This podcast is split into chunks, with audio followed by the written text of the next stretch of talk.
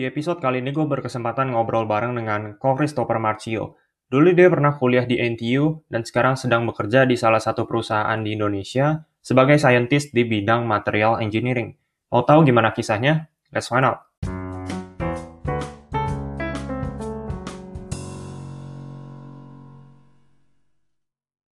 Lagi apa nih kira-kira Pak? Lagi sibuk apa? Akhir-akhir ini baru balik lagi nih ke Indonesia abis kuliah. Ini lagi kerja di perusahaan di Karawang sekarang. Oh, oke oke. Uh, dulu kan kita pernah ketemu-temu ya kok. Terus gua kan tahu lu kuliah di Singapura Betul, ya. Di Betul. Nanyang Technological University NTU. Iya di NTU. Gue penasaran nih kok. Lu dulu dari SMA itu suka apa sih? Dulu di SMA semuanya kelihatannya oke-oke aja. Paling yang paling suka dulu sebenarnya malah matematika sebenarnya. Interest lu berarti di maths ya? Berarti dulu, ya, yes, ya? benar dari SMA itu lu udah kepikir belum sih kayak pengen ngambil apa di universitas atau pengen melakukan apa di masa depan udah kepikir belum? Wah itu dulu cuman pikirnya tuh pengen kuliah aja di di luar negeri dulu. Saya daftar ke beberapa mm -hmm. ke beberapa tempat makanya pengennya ke sana aja. Gitu pikirannya. Ke depannya sih masih lumayan ngambang honestly. Oke oke. Okay, okay. Lu pertama dulu uh, apply ke universitas apa aja kok? Di SMA saya kebanyakan itu semuanya itu di di Singapura kalau nggak di Hong Kong biasanya yang paling lumayan terkenal univnya mm -mm, benar. Oh gitu. Menurut lu kenapa lu mau kuliah ke luar negeri kok? Ada alasan khusus nggak? Gini sih dulu ceritanya sebenarnya bisa dibilang lebih ke belakangan lagi. Dulu saya sebenarnya pengen pengen keluar negeri itu mulai dari SMA bukan dari kuliah sebenarnya. Tapi oh, okay. again dulu itu karena mungkin saya belum saatnya belum siap juga nggak bisa diterima akhirnya saya maunya kuliah akhirnya saya terimanya itu akhirnya kuliah lah gitu saya pengen keluar tuh karena dulu dibilangin itu okay. di sana itu lebih beberapa pelajaran lebih cocok di luar negeri termasuk yang saya ambil di sana oh I see uh, kenapa lu pilih Singapura kok atau emang universitas itu punya kualitas yang bagus di jurusan yang lo mau atau ada alasan tersendiri? Lebih ke arah jurusan sih. Kuliah yang saya pergi itu jurusan yang saya ambil itu kan material science and engineering pelajaran material science gitu. Nah hmm. di kuliah saya itu yang di NTU itu lagi lumayan tinggi peringkatnya di dunia ceritanya begitu. Gue penasaran di uh, waktu lo apply ke NTU itu kok kira-kira ribet nggak sih apply ke NTU dulunya aku mikir ribet kan. Tapi ternyata setelah dilihat-lihat kita cari di internet aja udah ada banyak sekarang. Ada step-stepnya khusus lagi dikasih sama dia. Dibilang ribet jadi sebenarnya enggak sih. Oh ya bisa dibilang Susah nggak menurut lo? Susahnya maksudnya uh, apply-nya kah atau tesnya atau gimana ya? Tesnya susah nggak menurut lo? Soalnya kan NTU kan peringkatnya kan tinggi banget menurut gue di Asia. Tinggi bener sih.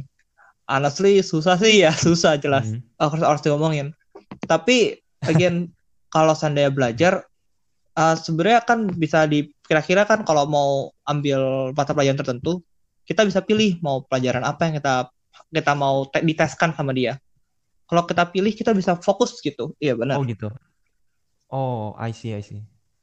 Nah waktu lo apply ke NTU itu apakah lo ke Singapura langsung waktu itu apa tesnya lewat online oh gitu? tesnya um, kalau saya dulu kan karena di SMA itu ada hubungan sama Singapura juga sama NTU jadi tesnya bisa di kuliah oh, di, okay. di apa tuh namanya di SMA saya maksudnya maaf. Tapi kalau seandainya yang teman-teman saya tuh bisa okay. tes di di Indonesia ada kok beberapa tempat khusus untuk tesnya Oh, Oke, okay. ada juga berarti di Indo ya? Di Indo stok saya ada ya. Menarik. Lu waktu apply ke NTU itu apply beasiswa juga ya, Yes, ya, tepat. Kalau nggak lumayan lumayan berat ya, lumayan mahal. iya benar. Lumayan mahal ya.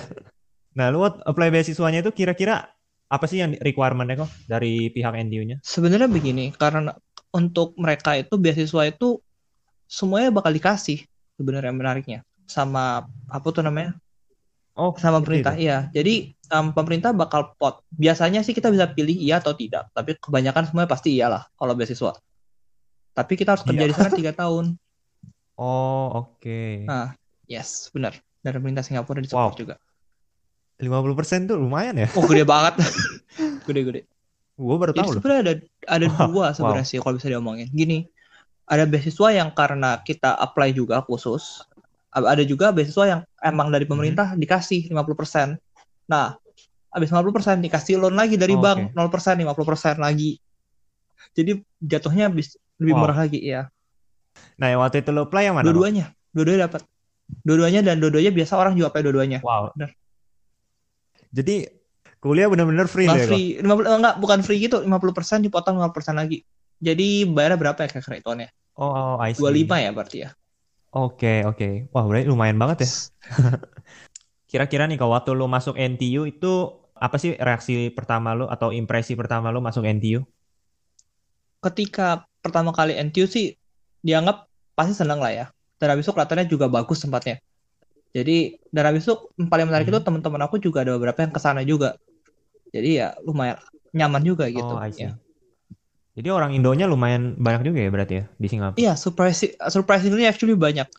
Apalagi di beberapa kuliah tertentu itu justru kita bahkan pada komunitas di sana. Kalau di jurusan material engineering tuh kok, kira-kira secara garis besar aja sih atau in general, pelajarannya apa aja sih kok? Atau belajarnya apa aja sih?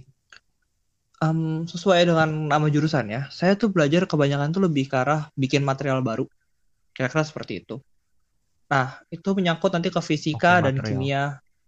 Kebanyakan ke arah sana. Oh, jadi lebih ke fisika kimia Benar. ya? Eh, kalau di NTU sendiri lebih banyak prakteknya atau teo- teorinya kok kira-kira? Hmm, ini menariknya begini, setiap jurusan itu sebenarnya punya berbeda-beda. Em, ada beberapa yang fokusnya ke praktek, ada beberapa yang harus teori. Kalau tempat saya itu eh, bisa dibilang 60-40 lah. 40 praktek, 60-nya itu teori. Kira-kira waktu lo kuliah di NTU gitu kok, apa sih yang lo bisa ceritain atau lesson apa sih yang lo bisa ambil gitu? Pertama sih lebih ke arah begini. Dulu itu aku berasa kuliah di sana itu karena orang-orangnya itu ada orang Indo juga. Saya tuh jadi teman-teman sama orang Indo. Tapi surprisingly ketika kuliah di luar itu lebih alangkah baiknya kalau kita coba-coba juga teman-temanan sama orang-orang yang dari luar gitu. Karena kan kalau perusahaan kalau kuliah internasional gitu ada orang dari India lah, ada orang dari Malaysia lah. Nah, aku aku akhirnya coba teman-teman Hmm. sama mereka dan emang culture-nya beda. Jadi berasanya unik gitu rasanya punya teman kayak mereka itu. Dan senang juga sih, beda-beda. Itu satu. Terus habis itu yang kedua itu yang Oke. paling menarik itu ketika saya di sana, em, saya juga mengetahui kalau seandainya kita harus berani buat ambil kesempatan. Dulu ketika aku di NTU karena akhirnya akan ada beberapa teman juga, kita bisa kerja bareng buat ikut lomba. Dari sana itu saya akhirnya bisa pergi ke luar negeri lagi kayak ke Paris, dibayarin sama sekolah gitu. Itu sih. Keren banget. Nah, setelah lo udah kuliah di sana segala macam gitu, menurut lo apa sih perbedaan kuliah di Singapura sama kuliah di Indonesia? Dari sisi negara dulu kali ya? Boleh. Em, pertama gini dulu sih. eh, kalau masalah, saya kan belum pernah kuliah di Indonesia, jadi saya nggak bisa bandingkan secara Apple kayak berbandingan bandingkan benar-benar. Tapi yang saya berasa beda banget adalah ketika di sana itu orang-orangnya itu dari sekian banyak negara itu sih paling pertama yang saya berasa. Dan itu kita itu kadang itu ada yang culture-nya emang nggak cocok gitu, ada yang beda gitu. Itu yang menjadi menarik gitu menurut saya. Oh, I- kalau dari sisi NTU kok perbedaan apa sih kira-kira yang benar-benar menonjol gitu? Hmm. Mungkin satu hal yang aku bisa ngelihat dari NTU adalah mereka itu profesornya bisa dibilang dia itu lebih terekspos sama apa tuh namanya sama banyak subjek yang di luar yang yang yang beda-beda gitu. Jadi akhirnya mereka tuh juga kan publish paper segala macam. Jadi mereka tuh menurut saya, saya saya berasa itu ketika ketemu profesor itu mereka itu benar-benar tahu apa pun gitu. Itu sih yang saya berasa. Oke. Yes. Tapi jangan salah loh, di sana tuh juga ada profesor Indo yang dari yang KNTU di sana aku ngajarin. Iya. Oh iya. Nah, dia yang waktu itu jadi pembimbing Wow. saya. Wah, itu baik dan pintar lagi. Gila sih emang. Wow, wow, wow. Gue penasaran sih kok. Orang Singapura tuh kan bisa dibilang apa ya? Individualis kali ya. Rata-rata ya mungkin ya. Rata-rata Kalau di ya. sana itu ada satu kata-kata yang menarik. Itu um, kiasu. Itu tekan itu di sana. Kiasu itu artinya Right. benar-benar fokus untuk dapat nilai paling bagus. Hmm, oke. Oh, bell curve ya di Iya, sana ya? karena bell curve akibatnya karena mereka mau mas mau jadi paling pertama akhirnya ada orang yang bilang menjadi agak sedikit individu- individualis gitu. Oh, menarik, menarik. Nah, sekarang lo kerja di mana kok? Di Indonesia. Indonesia, benar. Eh, boleh disebut nggak kok kerja di Boleh, saya apa? kerja di PT Bukit Muria Jaya. Nah, itu di di Itu mana di kok? Karawang. eh, yang lo kerjain di situ apa kok? Jadi PT Bukit Merja itu sendiri adalah perusahaan untuk membuat kertas sigaret yang terkenal, kertas apa namanya rokok.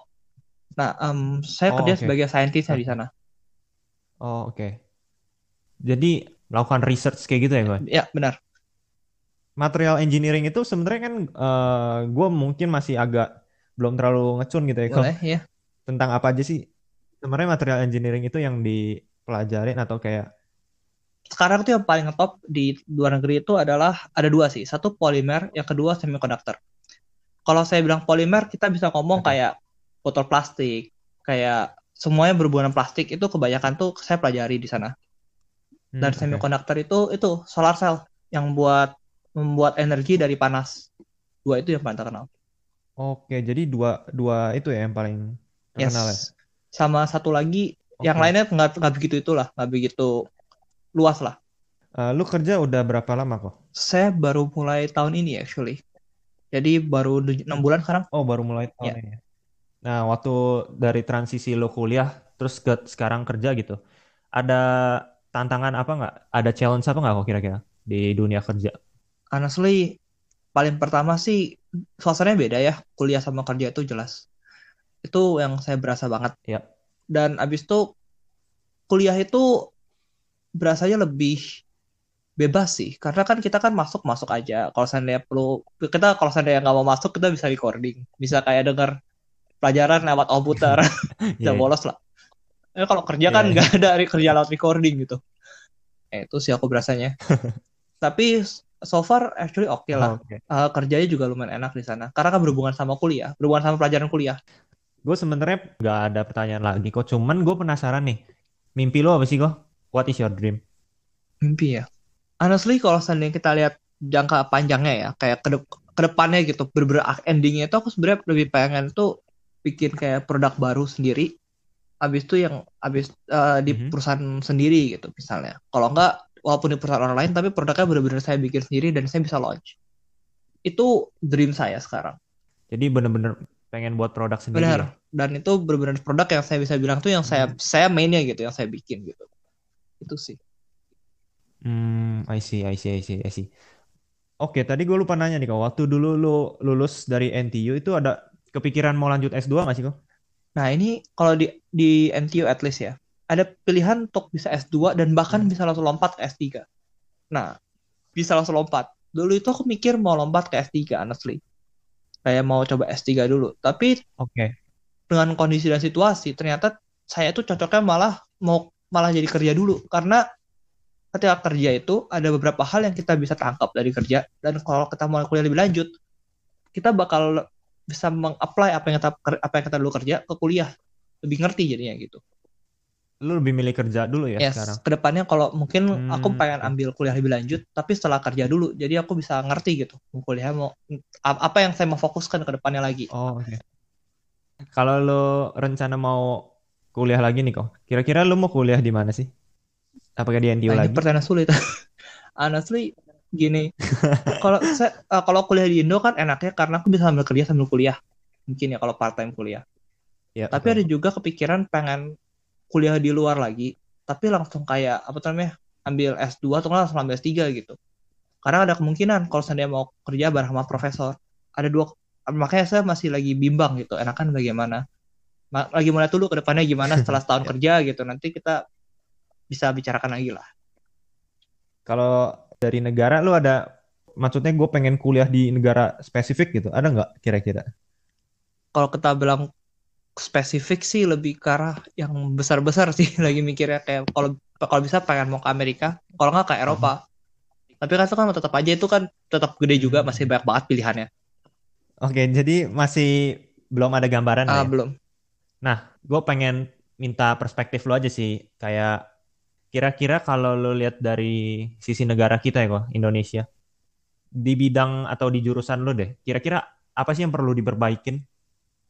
Eh, secara general Iya. soalnya honestly kalau buat material science agak sedikit beda karena di Indonesia nggak begitu banyak ya yang punya jurusan ini di kuliah-kuliah tertentu. Oh, Tapi satu oke. hal yang saya berasa itu lebih ke arah itu sih apa namanya mungkin lebih ke alat-alat laboratori yang buat praktek gitu. Karena ada beberapa alat yang yang di Indonesia tuh belum ada gitu. Mhm. Yang di luar tuh ada. Itu juga jadi salah satu faktor yang berasa gitu ketika di luar atau ketika, ketika di sini mungkin.